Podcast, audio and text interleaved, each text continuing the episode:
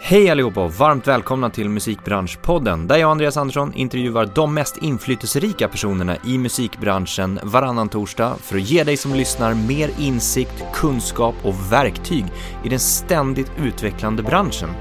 Idag har vi ett avsnitt som jag verkligen har längtat efter. Jag gästas nämligen av låtskrivaren och entreprenören Andreas Karlsson. Andreas har ju skrivit världshits till några av vår tids största artister och har nu gått till att bli en av Sveriges mest drivna entreprenörer. Han skriver böcker, producerar musikaler, filmer, har startat flera skolor, föreläser, motivationstalar och mycket, mycket mer. Häng med i ett av våra mest inspirerande avsnitt hittills, fullspäckat med tips, idéer och tankar.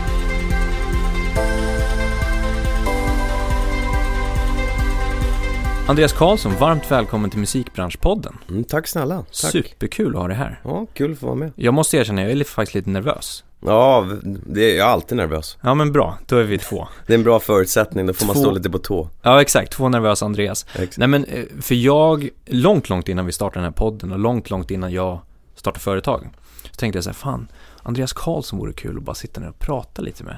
Mm. Eh, och äntligen är vi här. Alltså det, det Jag kan säkert vara hoppas att tio det är år. kul. Ibland känner jag att det är många som har höga förväntningar på mig av någon outgrundlig anledning och sen så har jag svårt att leva upp till det, men jag ska, jag ska göra mitt bästa. Det tror jag inte är några som helst konstigheter. jag tänker så här, vad, eh, du behöver ju ingen närmare introduktion.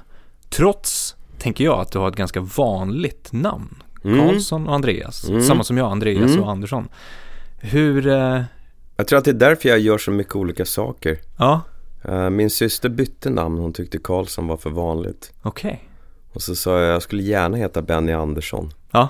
För det är ju lite vad man fyller sitt namn med. Exakt. och vad man fyller sitt liv med som äh, Det bygger väl vilket varumärke som helst egentligen men eh, Ja, i början där kommer jag ihåg när jag började med musik så var det speciellt vanligt för att under min första skivrelease så lyckades jag bli övertalad av skivbolaget att byta namn till Andres. Mm. Eh, För att det var många andra Andreas som släppte skivor, Andreas Jonsson, Andreas Lundstedt och allting. Så att för att inte jag skulle falla bort i Andreas driverna av, eh, av nya releaser så blev jag Andres och det var ju helt värdelöst. Satt en liten twist på det. Ja, det var ju så att eh, efter den incidenten så började jag tycka ännu mer om att vara Andreas. Ja, jag förstår det. Det är bra. Men du är ju liksom, du är låtskrivare, du är entreprenör, du är författare, motivationstalare, investerare, du har startat flera skolor, du har suttit med i Idoljuryn. Glömmer jag någonting? Eh, nej, det, är- ja, det, är, det är mycket olika saker. Det är, någonstans så går det som en röd tråd att det går att koppla ihop. Mm. Även de bitarna som känns lite för långt ifrån varandra går ändå att sätta ihop på något sätt. De är alla, de är alla ett pussel med bitar som är liksom utskurna för att sitta ihop. Även om man tar liksom den på ytterflanken med den som sitter längst ut på andra ytterflanken. Och eh, det kommer ju av en mening som jag läste en gång som Gene Simmons från Kiss sa att The comic book promoted the tour that promoted the film that promoted the action figures that became the brand. Så egentligen allting man gör bär ju ens egna identitet. Mm. Även om det kanske kan ses som spritts, eh, vad heter det, vitt spridda skurar så att säga så, så kan jag använda mig av allting jag gör i de olika verksamheterna för att pusha andra saker. Mm. Så det blir liksom en, en synergi och någon form av energi, en rörelseenergi i, i allting. Ja. Skulle jag bara göra en sak så skulle jag vara stillastående tror jag och det skulle vara svårt för andra saker att lyfta. Mm, exakt. För, för jag tycker att om man tittar på dig utifrån, eller jag Nu gör jag en långfilm, det glömde jag. Det var, Ja. Jag tänkte det är någonting du har glömt. Jag gör två långfilmer till och med i Hollywood. Och musikal också. Ja, jag har en musikal i Tyskland som öppnar nästa vecka. Ja. Ehm, förmodligen den största musikalen som har satts upp eftersom det är Cirque du Soleils Europapremiär eh, med en manusbaserad musikal. Cirque du Soleil har gjort ett 30-tal jätteproduktioner, storleksordningen en kvarts miljard Mm. eh, per show. O i Vegas, eh, den är nog ännu dyrare. Man byggde om rummet där bara för 100 miljoner dollar vet jag. Men, men, men det här är första i sitt slag och eh, ja, men det är ju fantastiskt men musikalen kunde jag aldrig ha skrivit om jag inte blev protégé till Desmond Child till exempel. Nej. Som jag jagade under mina år som låtskrivare. Och eh, hade jag inte skrivit böcker för Nordstedt så hade jag inte kunnat vara med och jobba på Broadway och förstått dramaturgi, Mm. storytelling. Mm. Så att ehm, Det ena leder till det andra ändå på Ja, något sätt. alltså livet är ju så. Och när jag för motivationsföreläser så säger jag att tänk vad härligt det är när det går fel. Mm. Och jag har betalat enorma pengar för att göra fel. Och betalat i tid och, och tårar och, och tuff, tuffa beslut och allt sånt där. Men jag skulle ändå inte vilja vara utan någonting av det. Jag Nej. satt i nio år i en rätt, rättsprocess i USA som jag till slut vann.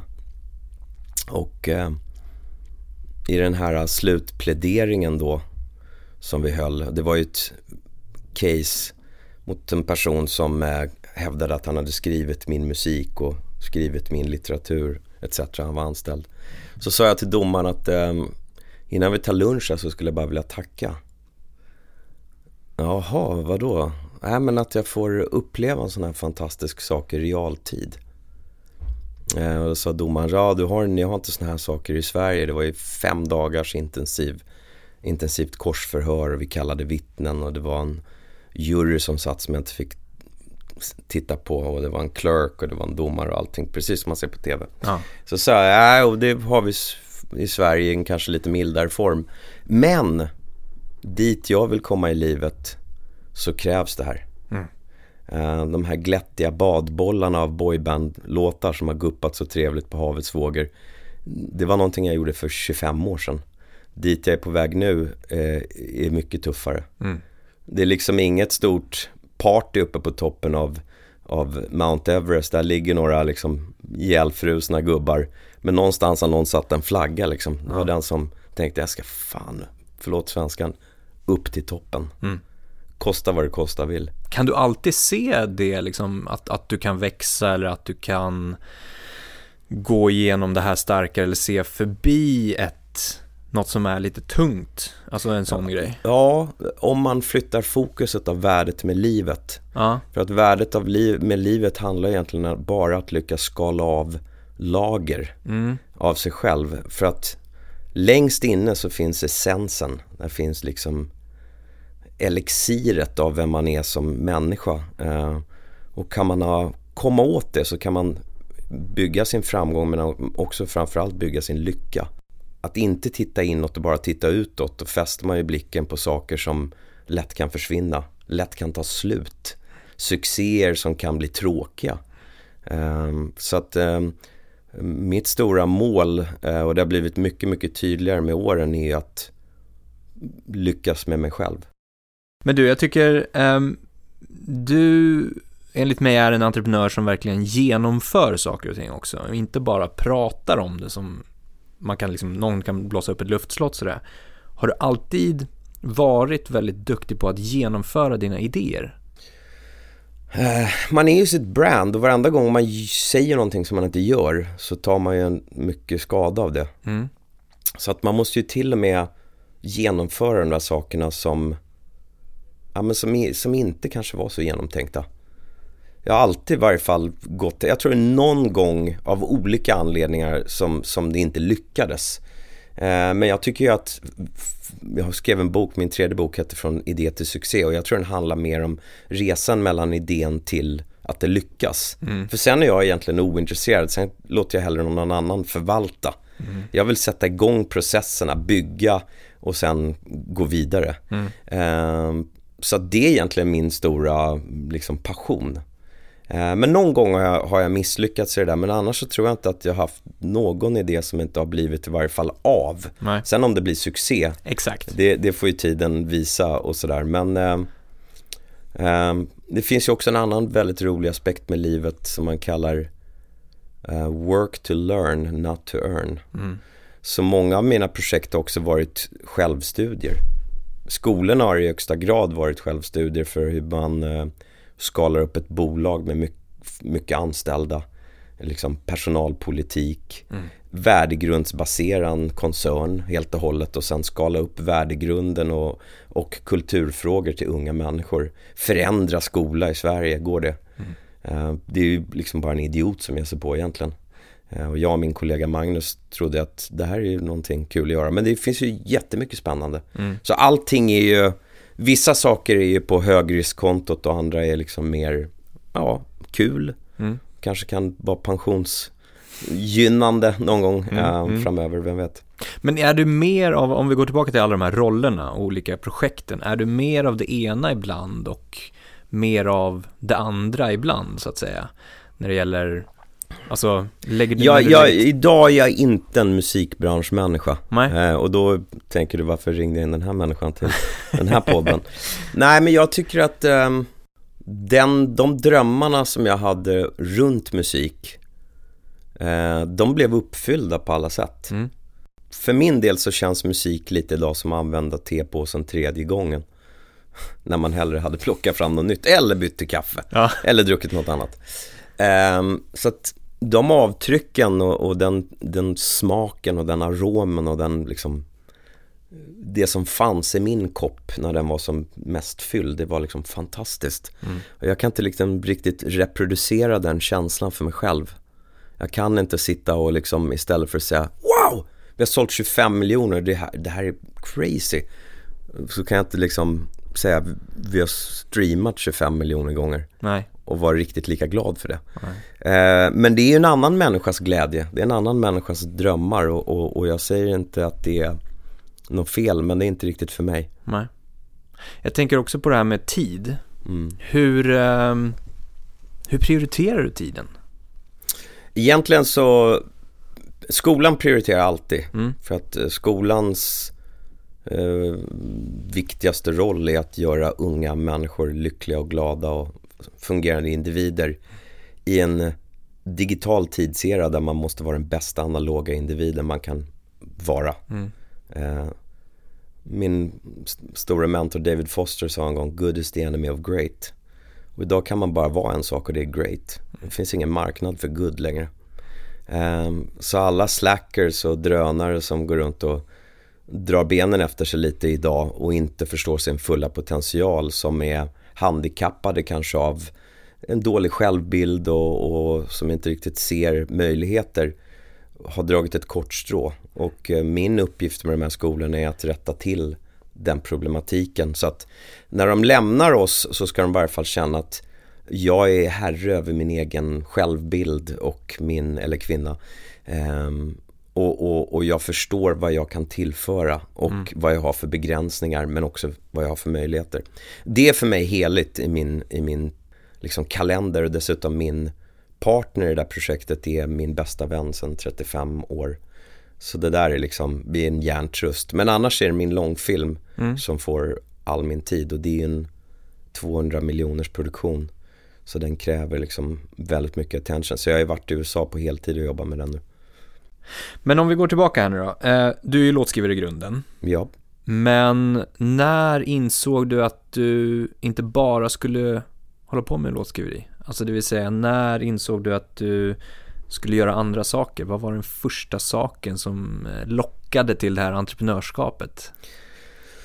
Jag kan väl säga så här egentligen att jag valt en visionär entreprenör. Ehm, och jag eh, jag såg inte ett företag framför mig när jag var 15 år, jag såg ett liv. Ah. Och jag såg en, en verkstad som jag ville jobba i, där jag själv var liksom boss.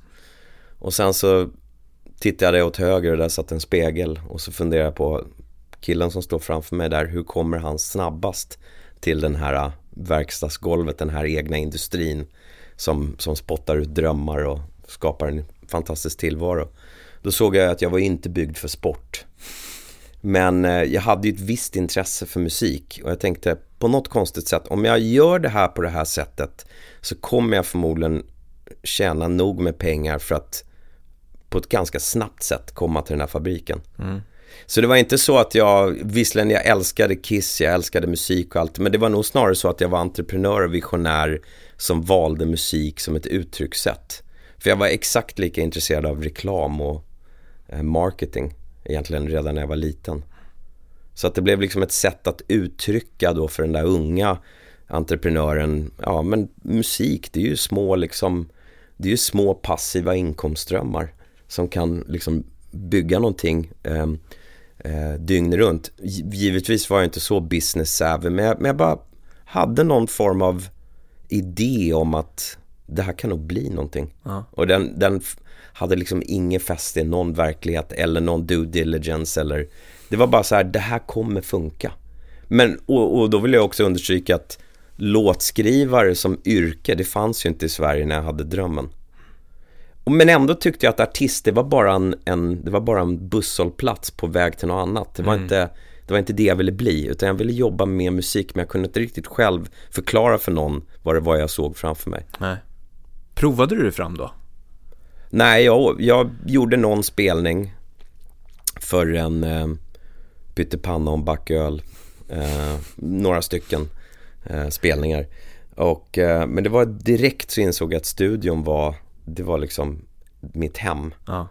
Någonstans där så visste jag att de där idéerna, de kunde få någon form av bärkraft, någon värde någonstans. Och sen var jag ju tyvärr tvungen att sjunga och agera ut de här idéerna på eget på, på, egen, på egen hand då. Det var ju, det visste jag ju redan från början att det här är inget bra. Det här är inte rätt, rätt uttryckssätt. Men det här med, eh, du pratar om fabriken och målsättningen på något sätt. Ehm, och jag vet ju att du är ju väldigt intresserad av motivation och målsättning, precis som jag. Eh, hur tänker du när det gäller målsättning? Sätter du konkreta mål och delmål eller jobbar du mer med visionen och idén? Alltså, man kan ju inte göra annat än att sätta ett mål egentligen för att det är sällan det blir som man har tänkt sig ändå. Det är väl en av de mest kloka meningar som någonsin har satts ihop är väl Life is what, what's happening to you while you're making other plans. Exakt. Så att eh, livet har ju sin, sin egna gilla gång och det, det kan ju vara både fördelaktigt och negativt för att livet drar ur proppen när, när, när livet så bestämmer att nu går jag en annan väg och sen får man bara följa med varken man vill eller inte. Men det är klart att man sätter mål, det måste man göra. Man måste sätta, ge sig själv lite rimliga tidsramar kanske. Som med filmen, jag tänkte det blir ett och ett halvt år i USA. Mm. Nu är jag snart inne på mitt tredje. Och liksom det, det är som att dra upp vä- världens största häst ur ett kärr med en tandtråd. Men du vet, hästen kommer ju upp till slut. Ja. Så att det är uthållighet, det är, um, det är people skills, det är massor med saker som man måste räkna med där. Och man kan ju inte, man kan inte annat än ge sig själv en ungefärlig tidshorisont och ett ungefärligt liksom, hit ska jag. Och sen får man ju försöka förhålla sig till de här delmålen som måste vara lika viktiga. Mm. Hur motiverar du själv till det här äh, när det tar längre tid eller när du inser att jag har bara den här tandtråden att dra upp den här hästen? Det är väl just rörelsen som är det roliga att ändå vara igång och göra saker. Men givetvis, jag har ju haft oerhört mörka stunder eh, i mitt liv där jag har känt att jag har eh, varit ute på hal is och varför skulle jag bli en sån här visionär liksom? Varför kunde inte jag vara som alla andra? Varför kunde inte jag bara sitta nu ute i Bromma? Det hade ju varit så bra liksom med allting som gick så bra. Jag hade väl kunnat, precis som en sån här eh, Bingolotto-show, du vet när det finns två luckor kvar. Och så finns det alltid den här klassiska frågan, är du nöjd? nu har du vunnit eh, tre pallar kaffe och du har fått detta. Tar du nästa lucka så förlorar du allt liksom. Ja. Och det, är, det är någonstans mellan de där två luckorna som jag lever. Mm. Eh, men samtidigt så är det också jag. Det är nog där jag trivs ändå. Mm. Önskar att jag hade varit liksom första luckan, luckan och sagt att "Ja, jag är nöjd, jag är klar. Mm. Och jag försökte faktiskt leva så ett litet tag och det blev fruktansvärt tråkigt. Jag flyttade till en stor våning och så satt jag och tittade ner där ifrån så tänkte jag men nu då? Liksom, jag har ju, mina bästa år är på väg in nu. Mm. Liksom rent sådär förtroendemässigt, kraften, eh, liksom kon- kontaktnätet, eh, pondusen. Det är nu jag verkligen kan sätta en hävstång på min första resa som byggde på naivitet. Den andra resan den bygger ju på kunskap och den är jag ute på nu. Mm. Det är då man kan multiplicera resultatet av första resan. Vad, vad tror du att det här kommer ifrån, drivkraften? Jag tror att det kommer från eh, miljö. Eh. Och eh, jag, jag vistades ju i min barndom i en fantasivärld till största del egentligen. Jag tycker egentligen att mina föräldrar, ja men de, de, de var liksom mer på besök i min tillvaro. Eh, sådär, min pappa var ju väldigt driven och väldigt, eh, framförallt hade han väldigt mycket energi liksom. Han hade otrolig arbetskapacitet.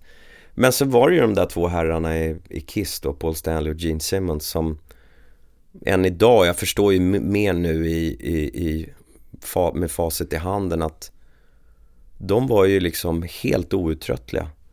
Och till oss då som var fans av det här bandet så kommunicerar de ständigt att livet är ditt och du har chansen. Mm. Stay away from drugs and alcohol, have as many women as you want and make as much money as you can and have fun. Och för en, för en liksom tioårig kille från Tingsryd som jag bodde då med liksom lapp för ena ögat och toppluva på sned och gitarrcase i handen så var ju det här liksom Det var ju beyond religion. Det var liksom Det var ett livs, ett livsmotto. Så att eh, jag har sagt det till Paul i Kiss några gånger att ja, men jag skyllde dig min karriär. Det blev så kristallklart liksom vad, vad jag var tvungen att göra. Mm. Och därför tycker jag det är så tråkigt med dagens artister utan att datera mig själv som promotar droger. Som promotar liksom ett liv som inte bygger på något. Inga värderingar, inga tankar om att de är viktiga förebilder för miljoner av unga människor som står och inte har några föräldrar som förebilder utan de lyssnar på de här människorna som står och fyller sin musik med bara nonsens. Mm. Ska du säga någonting så säg något viktigt, säg något bra. Säg någonting som bygger en annan människa. Det finns ett ansvar där någonstans, känner du? Oerhört ansvar. Jag menar, du kan inte hitta en bild på mig med en drink i handen.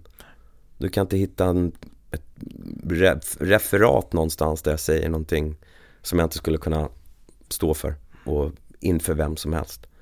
Och blir man en publik offentlig människa så tycker jag att det är, det är viktigt. Man blir ju ett, man blir ju liksom ett, ett, ett exempel mm. för en del människor. Varken man vill eller inte. Mm. Vad är viktigt för dig, alltså som person, för att må bra i liksom din tillvaro och dina projekt? Viktigt för mig själv är eh, egentligen, jag, jag, jag tycker om min egen tid. Mm. Jag tycker om eh, tiden där eh, jag kanske har en dag liksom och bara lite ta hand om mig själv. Och då kan man tänka sig varför är jag inte omgiven av massor med människor nu och varför, varför är man här och gör saker. Men jag, jag är lite sådär, jag klurar, jag är lite med mig själv och, och får mycket tankar och så. Um, och sen är det ju, kan man ju hoppa in i det man gör då i jobbet som kan vara mycket liksom möten och träffa människor och sådär. Men jag är, jag brukar säga att jag är en, um, en introvert masquerading as an extrovert. Um, och det är nog många som kan känna igen sig man tar på sig en eh, extrovert roll men man är egentligen en introvert person. Och det var när jag gjorde Idol och X-Factor så, så fick jag ju träna mig på att vara liksom en publik människa men det är jag ju inte alls av naturen. Ja, men jag känner igen det där med att reflektera, att hitta sig själv någonstans. Om man har väldigt många projekt, mycket energi, så behöver du komma tillbaka. Du behöver landa och reflektera, ta hand om dig själv för att de här idéerna ska kunna blomstra också och tas till nästa nivå. Och du ska, precis som du säger, du behöver people skills, du behöver med skolan, du, eh, personalfrågor. Mm. Alltså fundera på sådana saker innan, och inte bara mm. exekutera så att säga. Mm. mm. Eh, jag tror att det är jätteviktigt verkligen. Det är kul det här med musiken också för att nu, 2019 har jag givit mig själv ett entertainmentår. Liksom. Jag fick en förfrågan här i Sverige eh, som var väldigt spännande nu. Jag håller på med mina två filmer, det är musikalen i Hamburg. Eh, jag ska flyga till New York och träffa en agent som vill sätta ihop mig för fler musikaler på Broadway som jag gjorde 2016. Eh, och det är ju superkul. Givetvis hade man gärna haft en hit eller två igen för att Um, jag menar även om vi, jag var med och sålde ett, ett, ett bolag eh, eh, för inte så länge sedan och fick en, en kul utdelning därifrån. Jag har gjort lite saker sådär som har varit bra men det är ju ingenting som känns som succén från låtarna man har gjort. Eh, den succén är ju, den, den kommer med så otroligt mycket mer. Mm. Eh, så att även om jag nu säger att jag inte är så intresserad av musikbranschen så är jag ju intresserad av musik mm. fortfarande. Jag Även om uttrycket då är annorlunda, att man gör en film för Netflix och den är fylld med musik. Eh, någonstans, du vet, att kunna fortsätta och påverka folk lite med musik, det, det vore fantastiskt. Och det är någonting som sådär, tillbaka till din fråga, vad man gör. Jag märker nu när jag hoppar tillbaka in i lite i skapande att det är ju det är bland det bästa man kan göra. Ja. Det är en härlig process.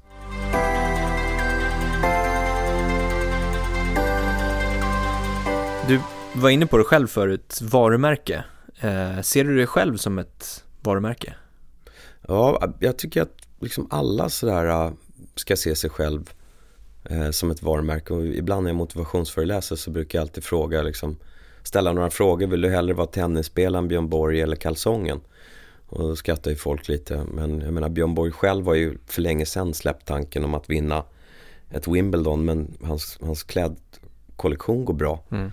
Hans kalsonger sitter de flesta i. Eh, och många av dem vet inte ens vem Björn Borg var. Och eh, älskar ju tanken om att man ser det här gula m liksom mellan grantopparna när man är ute och kör på E4 liksom, och det är sju kilometer bort och man vet precis hur det ska liksom, smaka med en, en trevlig Big Mac. Man vet att man inte kommer må bra efter. Men man tänker liksom inte på Johans slafsiga korvmoj nere liksom i Norstull utan eller Nor eh, Norrmalm någonstans. Man, man, man, man, man, man, tänker på, man tänker på McDonalds hamburgare och det är för att McDonalds är ett etablerat varumärke. Och eh, det jag liksom pratar om nu det är ju förtroendekapital.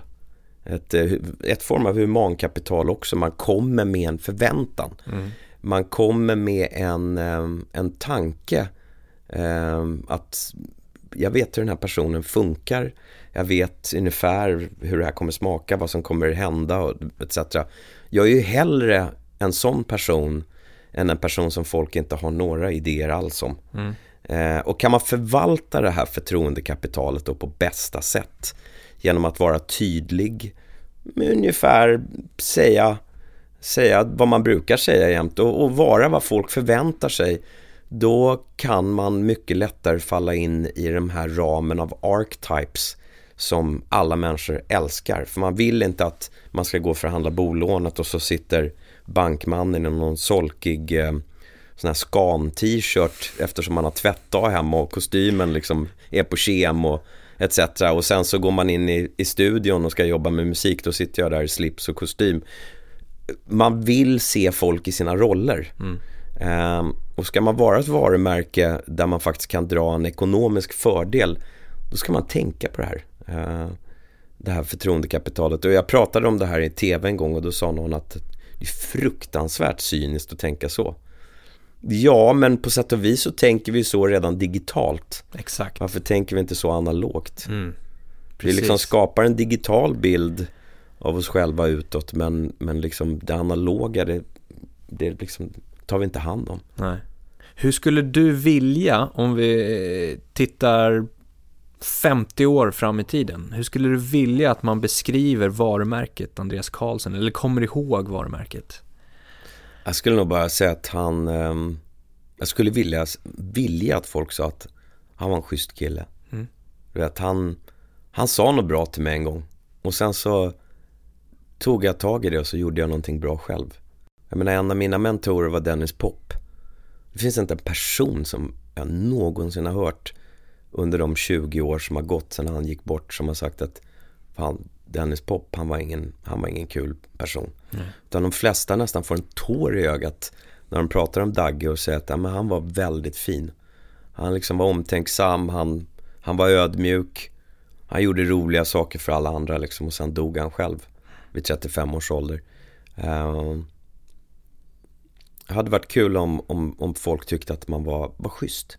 Om man tänker, du som låtskrivare och när du mer gick över till det entreprenöriella och började jobba ja, med projekt och sådana saker vid sidan av.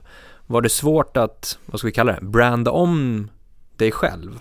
Hade folk fortfarande en, en uppfattning om ja, dig som Ja, det tar alltid två år att branda om sig själv. Ja.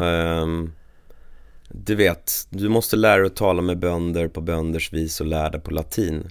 Du kan ju inte ge dig in i liksom banking och vad heter det, WC och corporate-världen och liksom fortfarande prata i musiktermer utan du måste ju liksom som en kameleont börja studera hur den koden fungerar. Mm. Jag menar folk som har gått på Handelshögskolan har ju med sig en kod från Handelshögskolan precis som de som har gått på Musikhögskolan har en kod därifrån. Man kan liksom med, man kan förstå varandra ganska bra. Och så när man börjar liksom ge upp allting som var tryggt och säkert och ge sig in i en annan värld, eh, då är det ju ofta folks förutfattade meningar som man får jobba med. Och det var någon som sa till mig en gång så här Ja du, jag brukar ju inte umgås med kreatörer men du är ju faktiskt ganska trevlig. Eh, då tänkte jag så här, wow vilken uppförsbacke man, man har här eftersom man bara har vistas i en typ av liksom, samhällskategori eller typer av människor eller en typ av värld. Eh, så man får ju vara beredd då om man ska, ja men så är det med alla branscher om man ska, om man ska liksom förändra sig och göra någonting helt nytt i livet. Det är ju, det är ju läskigt. Mm. Det kostar. Mm. Uh, men samtidigt idag när jag träffar många uh, jämnåriga kreatörer som inte gjorde, som inte var nyfikna och många av dem fortsatte ju att göra väldigt bra pengar i, på sitt yrke men det är svårt för dem att förhålla sig till den nya tiden nu. För att den nya tiden bygger mycket, mycket mer på affärsmannaskap till exempel än vad det gjorde för, för 10 år sedan och vad det gjorde för 20 år sedan. Mm. Eh, alla de strukturer som fanns som gjorde att man inte behövde ta eget ansvar och behövde förstå sin egen business, de är ju borta. Eh, och det är läskigt och hämnande för många tror jag. Finns det en eh, privat Andreas och en publik Andreas? Ja, det gör det nog. Nu har jag ju valt att totalt säga upp mitt eh, publika jag. Jag tänkte där när jag gjorde det där Idol och X-Factor att jag blev så otroligt publik liksom. Det blev nästan bizarr. Mm. Men samtidigt så var jag ju 34-35 år när det där körde igång så att jag kunde ju liksom hantera det på något sätt. Och jag hade liksom några väldigt roliga år där. Um, det var väl så nära rockstjärna som man kunde komma med svenska mått utan att behöva åka ut och stå på en scen. Det var ju väldigt kul, fantastiskt. Jag var fortfarande en relativt ung man. Men eh, eh, när jag hade sagt min sista mening i någon av de där programmen så kände jag att det här, det här vill jag inte hålla på med mer. Mm. Eh, det vill säga, jag vill inte fortsätta vara en publikperson. Jag kan absolut sätta mig i Skavlan och prata men jag tänker inte liksom dansa i Let's Dance eller springa runt i Fångarna på fortet och så jag vet inte hur många gånger jag tackar nej till alla de där programmen. Eh, men när jag väl hade gjort det där då var det, då var det klart liksom. Så då gick jag tillbaks till mitt eh, privatliv som jag alltid levde. Egentligen bara när jag gjorde tv så kunde jag vara en mean guy för att TV4 tyckte att min juryroll var mer av det slaget. Men ja, jag har nog alltid varit mig själv ganska mycket. Mm. Är det viktigt tror du? Ja, alltså framgång och succé och offentlighet det är egentligen bara en förstärkare av vem man redan är.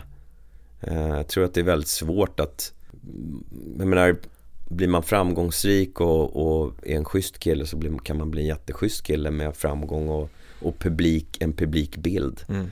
Man kan till och med dra igång charities, man kan ordna saker, man kan se till att stora företag donerar pengar. Man kan öppna skolor, man kan göra alla möjliga saker. Men är man ett asshole, excuse my French, så kan man ju, har man ju chansen att vara helt vidrig. Mm. Titta på USAs president.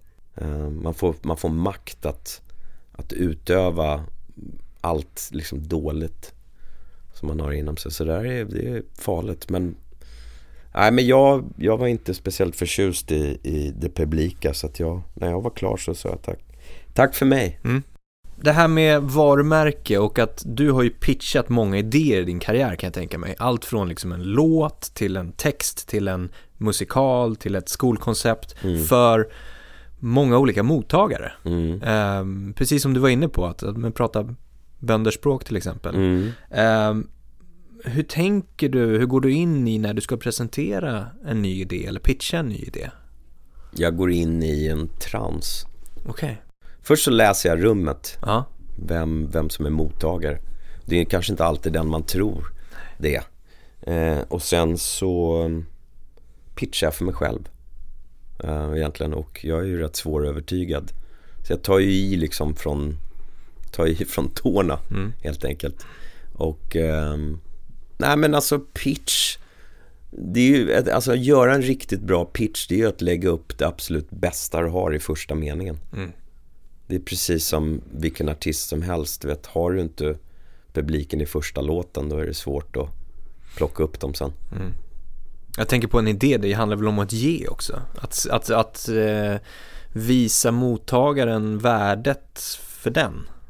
Jo, det är absolut. Det är ju man ska ju föda idéer hos den man talar med. Uh, mer än att lägga allting liksom.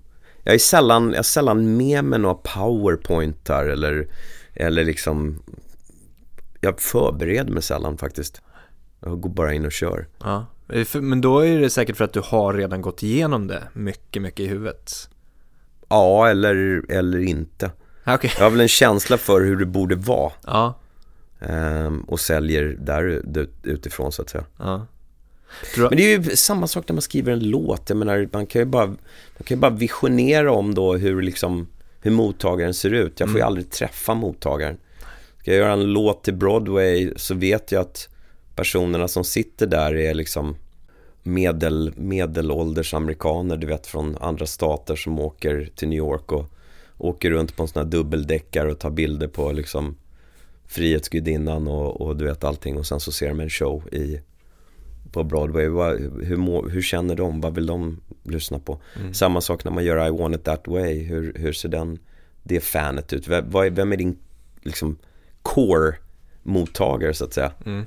Och det är det där, den där tanken om att tala i rubriker och, och, och så vidare. Använda använda all, alla knep som är i låtskriveri då, allitteration, um, contrast of opposite, um, alla de här sakerna som folk reagerar på, som sticker ut och som har stickiness. Det är ju samma sak i en poplåt, i, i en pitch, i en um, pres presentation. Det är precis samma regler liksom.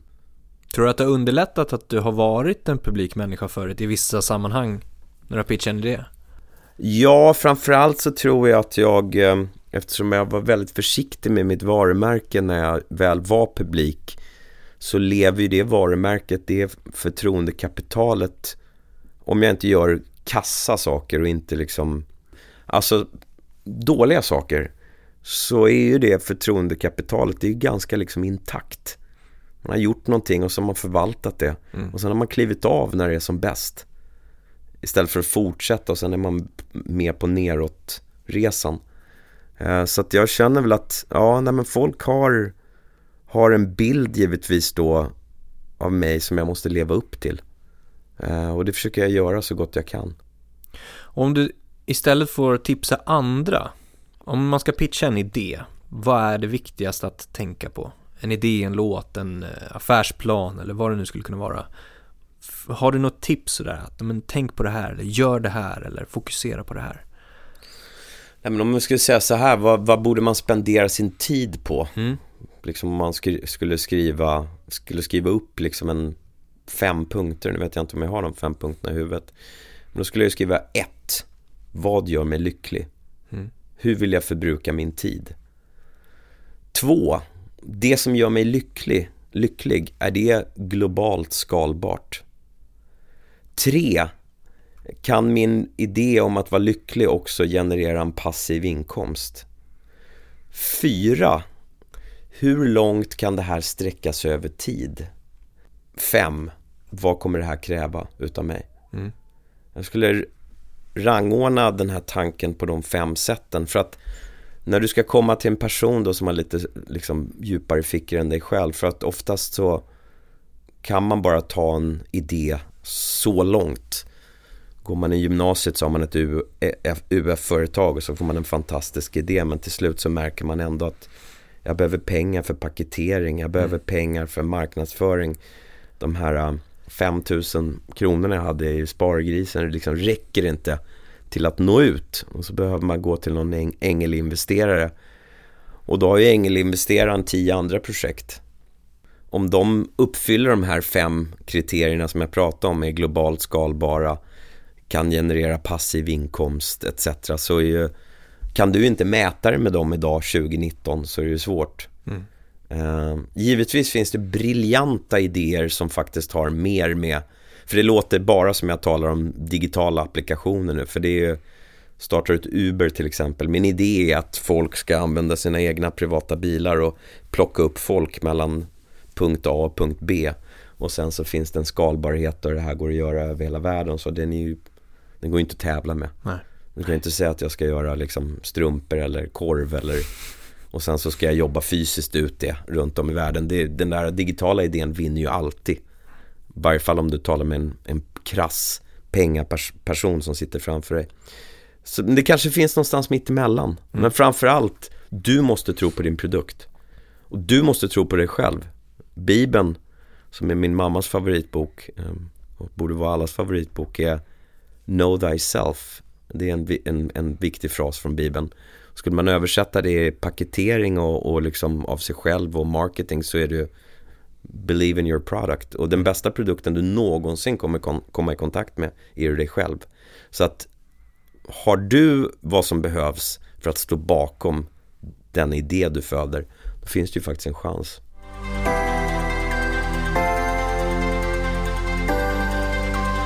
Det här med sociala medier och varumärke.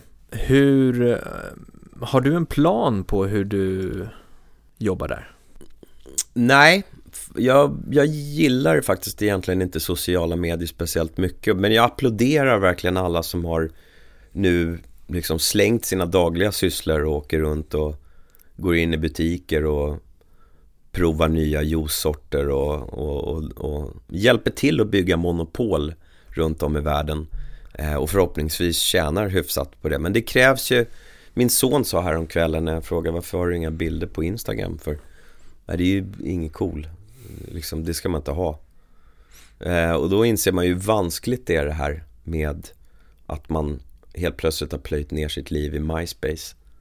Och sen overnight så är man en nobody. Mm. Man är bara en tjej från Mjölby som kvällen innan var liksom en, en influencer. Eller man är en kille från, vad vet jag, Jakarta som har suttit och Don't lose your day job. De här trenderna kommer och går och det är fantastiskt de som hakade på det här tidiga tidigt och lyckades växla in monopolpengarna eh, in i, i liksom riktiga business. De är, det finns ju några fantastiska stories givetvis eh, av, av de här mer kända eh, Instagram-fenomenen. En av de mest, liksom, vad ska man säga, som folk kan ha sina åsikter om är ju Dan Bilzerian till exempel som lever ett fantasiliv fyllt med tjejer. Och nu promotar han någon liksom weed business men han såg ju det där mer som ett socialt experiment och lever någon form av, av eh, liv i sus och dus då som människor följer. Det finns ju många sådana intressanta människor som har skapat en fantasivärld och sen bygger business ut från det här då. Och sen finns det ju många människor som bara lever i tanken om eh, självförhärligande och vanity och, och, och sådär. Men jag ser fram emot den dagen och det säger jag inte på något sätt med någon form av skadeglädje men när någon drar ur kontakten mm. och ser vad som händer då för det har fått alldeles för stort inflytande tycker jag. Mm. mm. Jag, tänker att det, det... jag älskar demokrati mm. Men demokrati är också väldigt farligt. Jag tänker att det är viktigt när man pratar eh, artist, låtskrivare, producent som varumärke men också företagande att inte bara jobba med en kanal till exempel att lägga allt på Instagram. För precis som du säger, någon gång kommer kontakten ryckas ur. Har du då miljontals följare där, men mm. ingenting annat. Du har ingen liksom e-mail-lista, du har ingen, inga andra kanaler, du har ingen personlig kontakt med dem heller. Du kanske bör starta en podcast, vad vet jag? Mm. Eller ha en personlig kontakt på spelningar eller med kunder och mm. sms-kontakt. Men, men, men, men, om man säger så här, du vet den gyllene, om vi ska förhålla oss vid musik som vi kan bäst för ett litet tag till så den gyllene tidseran för musik är mellan 1954 när Elvis gick in på Sandstudion och var lastbilschaufför och sa jag tror jag har någon form av talang här. Mm. 53 gjorde han det faktiskt. Spelade in en låt till sin mamma och Marion Keisker, Keisker som jobbade där sa att den här killen skrev en liten anteckning, han har någonting speciellt. Men från Elvis via Beatles och till och med Frank Sinatra så föddes ju någon form av eskapism. Och eskapism är ju någonting att, att verkligen förhålla sig vid för att det var ju det som startade min karriär. Jag var en tioåring som satt i Tingsryd där det finns 3000 invånare bo, boende i, i själva närorten liksom, eller byn. Jag satt där på mitt rum och drömde mig bort. Zlatan sprang runt nere i Rosengård och sparkade på en boll och vem vet vad som satt på hans väggar. Det kanske var Madonna eller Maradona eller någon av fotbollsspelarna. Den här posten på väggen skapade den omöjliga resan. Immanuel Kant som var en moral, moralfilosof från Tyskland sa en gång att en, ett postulat är en sanning utan logik. Och en dröm är en sanning utan logik och när drömmen kan bli verklig för vissa människor som Walt Disney då som fick sparken för han inte hade fantasi. De gick hem till det här skjulet och satt och tecknade på någon, någon mus med stora öron och någon, någon anka där. Så blev ju det här liksom en värld någonstans. Så att det jag vill komma till att om man inte bygger en struktur runt musik och inte när eskapism och istället bara filma luncher och man ska finnas på tusen olika eh, olika medier och instanser och överallt och framförallt musiken har inget värde så den streamas gratis till människor. Då bygger man inte eskapism och eskapism är nummer ett i att bygga ett musikaliskt brand. Eh, finns det ingen mystik och finns det ingen liksom undra hur det ska bli med allting och wow, det här är liksom, posten ska ju sitta ovanför sängen så när man öppnar ögonen ska man titta upp på den här fantastiska skapelsen eller människan eller och det här kommer ju, kommer ju från liksom tankarna om solguden och stam, vi, vi, liksom, vi lever ju gärna i en tribe där vi jämför oss med varandra och vi pratade lite om Sverige som land, man har 80% medelklass och medelklassens stora akilleshäl är att man tittar över staketet och White Picket fans och ser att grannen har köpt ny bil och man utvecklas inte utan man jämför sig och sådär. Men finns det någonting då där någon person tar klivet upp på stenen och säger liksom sträcker ut armarna som solguden och säger I got it covered. Då vill vi gärna som folk sluta upp och man får egna idéer, man får egna drömmar. Så att, att platta ut musik och ta bort Elvis och John Lennon och Paul McCartney och Prince och eh, Michael Jackson och Madonna och U2 och bara liksom det ska vara social media och, och flöden och ganska ordinära människor som, som gör rätt ordinär musik får vi säga. Det är ju tyvärr slutet på en epok som man kan kalla den gyllene eran av musik. Och det, med det vill jag inte säga att det inte kan bli en annan form av epok. Men jag tror på att om man ska fånga folks intresse och man pratar ju alltid när man bygger ett brand om att behålla lyssnare eller behålla köpskara eller ha trogna liksom, ja, kunder. Den, den, det finns ju inte längre. Du lyssnar, man har tagit bort intron på Spotify eller man vill gärna korta det. Man vill att låtarna ska vara under två och en halv minut idag. För att folk bara, liksom, ungefär som en jättebuffé. Man äter en tugga, som slänger man, så tittar man någon annanstans. Det finns för mycket. Mm. Eh, och det, det drabbar ju givetvis alla fantastiska kreatörer då som ska eh, liksom vada runt i den här, liksom, vad ska man säga, stora jättesjön av, av bara content. Där egentligen ingenting har tagit speciellt lång tid. Det finns ju inga thriller idag, det finns inga Purple Rain, det finns inte de här skivorna som fick ta fyra fem år att göra. Med liksom mästerverk, The White Album med Beatles. Det kan jag tycka är synd. Mm.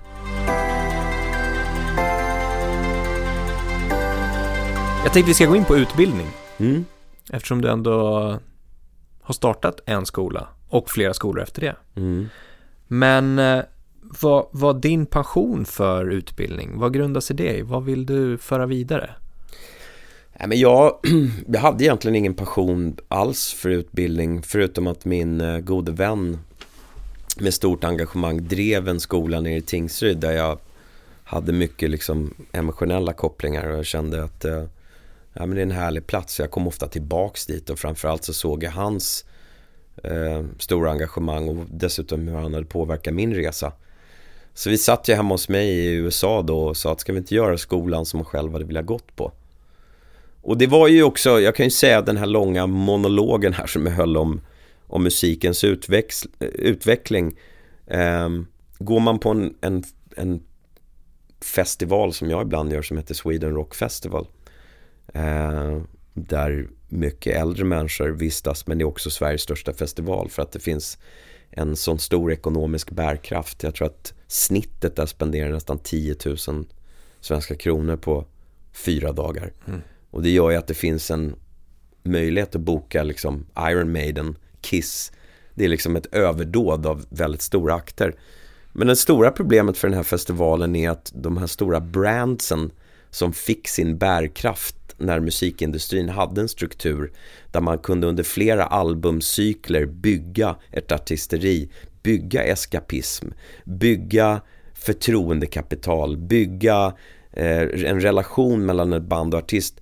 Det finns ju inga sådana kvar. Så när man ska fortsätta att boka stora band så finns det inga brand i rockmusik i varje fall som har Ja, man skulle säga Foo Fighters, men de har ju funnits i 20 år svenska Ghost mm. börjar hamna på den nivån. Men annars är ju ganska mycket obskyr musik. Och tittar man nu, det finns ju bara en Justin Bieber. Och den tvåan och trean och klon nummer fyra, de är ju ganska okända. Men förr i tiden så fanns det ju massor med olika artister som hade liksom den kraften. Eh, så att när vi satt och pratade och drack kaffe där så tänkte vi hur lär vi unga människor att själva bygga ett brand. Mm. Att istället för att hålla då mamma och pappa i handen som inte riktigt finns längre inom parentes musikbranschen så som den var med en stark ekonomi med videos som kostade liksom ibland låtar som jag gjorde la de ner 3 miljoner dollar på videos. Nu får man filma sig själv lite med en skakig GoPro-kamera. Eh, men lära unga människor att faktiskt starta den nya musikbranschen. Där man inte förhåller sig till det gamla paradigmet utan man tänker fritt. Känner till boxen men lär sig att tänka utanför boxen. Så att det, liksom skolan föddes ur en otroligt självisk tanke. Hur ska vi på ålderns höst få, få se unga, liksom nästa Led Zeppelin, mm. fast utan Peter Grant och utan Atlantic Records men bygga samma brand. Led Zeppelin sålde ändå 500 miljoner faktiska album och är en, liksom en legend. Hur får man unga människor att bygga någonting från starten som kan bli så stort? Är det viktigt att ge unga den möjligheten också? Jag tycker, som... jag tycker att eh, det finns ju ett uttryck, eh, man säger ju ge tillbaka säger man ju i, eh, i Sverige och det är ju giving back, det är ju stort i, i USA. Paying it forward Mm. Det har vi inte riktigt något svenskt uttryck för. Men att så fort man har fått någon form av framgång då ska i varje fall en del av ens tid alltid gå till att göra någonting för de som inte har nått dit än. Eh, det tycker jag är väldigt viktigt att man använder sitt kontaktnät och använder sitt förtroendekapital att sprida det eh, ner eh, utan personlig vinning eh, till nya förmågor. För det vore ju otroligt tråkigt att vara i min ålder och liksom bara, nej det här är mitt. Utan pay it forward. Och Tingsryd var startskottet?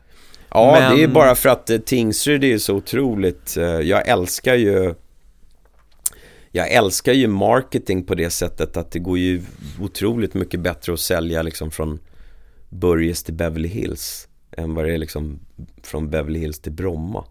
Just den där eh, allitterationen i, i liksom hur resan ser ut och, och det humoristiska och det knasiga och vad fasen ska det vara bra för? Hela den här, det finns så mycket, det är laddat med så mycket fördomar och det kan bli så bra. Max Martin sa till mig att en, en, en hit ska kännas liksom som ett pekfinger i mellangärdet. Det ska liksom inte vara som en, som en, liksom, en mjuk klapp på kinden. Utan det ska, det ska, göra, det ska vara lite kantigt och kännas lite sådär. Och samma sätt när man startar någonting så ska det ju ha någon form av retelfaktor. Så fasen, nu är det här, är, det här är inget bra. Men vi visste ju innerst inne att vi skulle få unga människor från hela Sverige. Trodde även att folk skulle flytta från Europa för att gå på skolan. Liksom. Nu är vi på väg att bli satellitskola till Berkeley. Och eh, vi har haft elever från Denver, vi har haft elever från Paris, vi har haft elever från Norge, Finland. Vi har elever från 120 svenska kommuner och jag tror inte att det är någon svensk skola som kan tävla med det. Visionen om att finnas ute på landsbygden och bedriva Sveriges bästa musikutbildning där, den var ju jättekonstig men den var ju sann för mig.